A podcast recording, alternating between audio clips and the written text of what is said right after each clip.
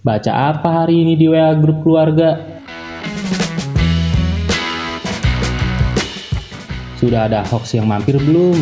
Nanya begitu karena memang WA grup keluarga sering jadi lalu lintas info hoax yang nyebelin dan sering juga yang nyebarin itu orang-orang tua di keluarga kita. Iya nggak sih? Terus harus gimana dong? Coba kita simak di podcast Suara dari Pojokan episode kali ini. Racun hoax dari yang tua.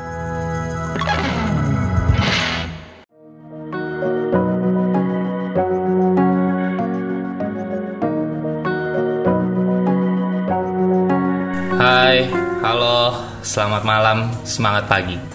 Hmm, kenalin, nama gue Alif. Sebenarnya gue bareng sama dua temen gue, Ferian Firdaus dan Sultan Pasha. Mereka lagi mojok tuh di sana. Iya, di pojok. Karena podcast ini namanya Suara dari Pojokan dan Suara dari Pojokan kali ini akan membahas tentang racun hoax dari yang tua. Wah, takut apesnya lagi. Yang bawa racun hoax itu bisa loh dari para orang tua sesepuh di rumah. Bingung kan? Mau negur takut beliau-beliau marah biar tegur dampaknya bisa panjang bahkan bahaya. Gini nih contohnya kemarin temen gua namanya si Pajar dia dimarahin sama emaknya. Gara-garanya dia protes di wake keluarga. Sambil nulis mak jangan nyebarin hoax. Bahaya tahu Nah, digituin emaknya marah dong, bisa-bisa ngambek. Gak masak tuh emak, gak makan dong si Pajar jadinya. Jadi ceritanya begini, ibunya si Pajar itu nyebarin hoax. Katanya LPG 3 kilo direndam air jadi awet. Sambil ngirimin video mengenai penggunaan LPG 3 kilo yang direndam ke dalam air. Aksi tersebut diklaim dapat menghemat penggunaan LPG 3 kilo. Wele wele. Hoax itu viral ternyata Kok ya banyak yang percaya sih? Aduh, aduh, aduh. Makanya si Fajar langsung menegur emaknya. Jangan nyebarin hoax. Ya benar sih, langkah si Fajar mengingatkan ibunya biar nggak nyebarin hoax. Tapi mungkin caranya kali ya yang bikin emaknya marah dan malu ditegur di wake. Kalian pernah juga nggak nemu orang-orang tua yang suka nyebar hoax di wake keluarga? Sering kan? Gue juga sering. Jadi gue pernah baca berita di media online CNN, bunyinya begini. Studi yang dilakukan oleh peneliti di Princeton dan New York University mendapati penyebaran hoax melalui unggahan Facebook tak terkait latar belakang pendidikan, jenis kelamin, dan pandangan politik. Fakta usia justru menjadi faktor utama penyebaran hoax. Riset yang melibatkan 3.500 responden pengguna Facebook di Amerika Serikat mendapati 11% pengguna berusia 65 tahun ke atas berbagi hoax. Sedangkan 3% pengguna berusia 18 sampai 29 tahun menyebarkan informasi palsu. Pengguna Facebook dari kalangan tua diketahui berbagi hoax lebih dari dua kali lipat dari kelompok usia 45 sampai 65 tahun. Dibandingkan kelompok usia termuda 18 sampai 29 tahun, perbedaannya bisa mencapai tujuh kali lipat. Jadi gitu deh, ya memang orang usia tua yang rata-rata generasi X juga menjadi salah satu kelompok yang rentan menyebar hoax. Terus enaknya kita apain ya? Biarin atau diingatkan? Ya diingatkan dong ya, betul kan? Persoalannya, gimana cara mengingatkannya?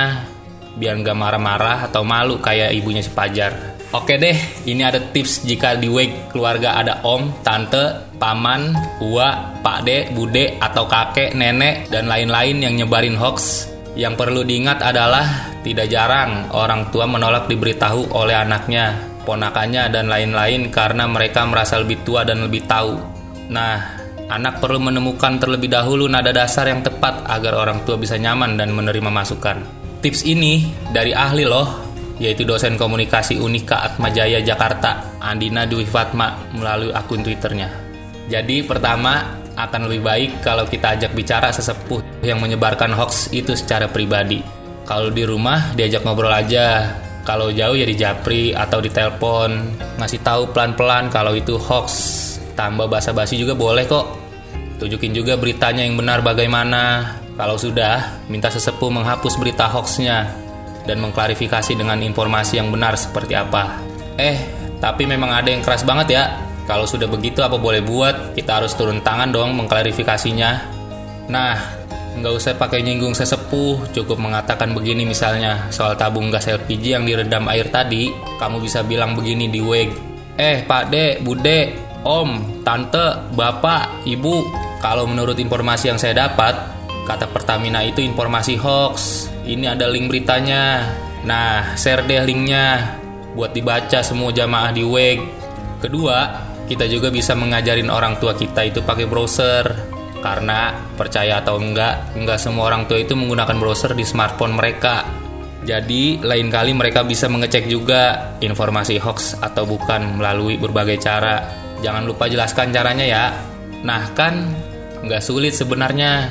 Tips ini boleh loh kita jadikan bekal secara sebentar lagi mau pemilu 2024 dijamin WEG keluarga bakal jadi lalu lintas informasi hoax. Siap-siap yuk, ajak para sesepuh kita ikut berantas hoax.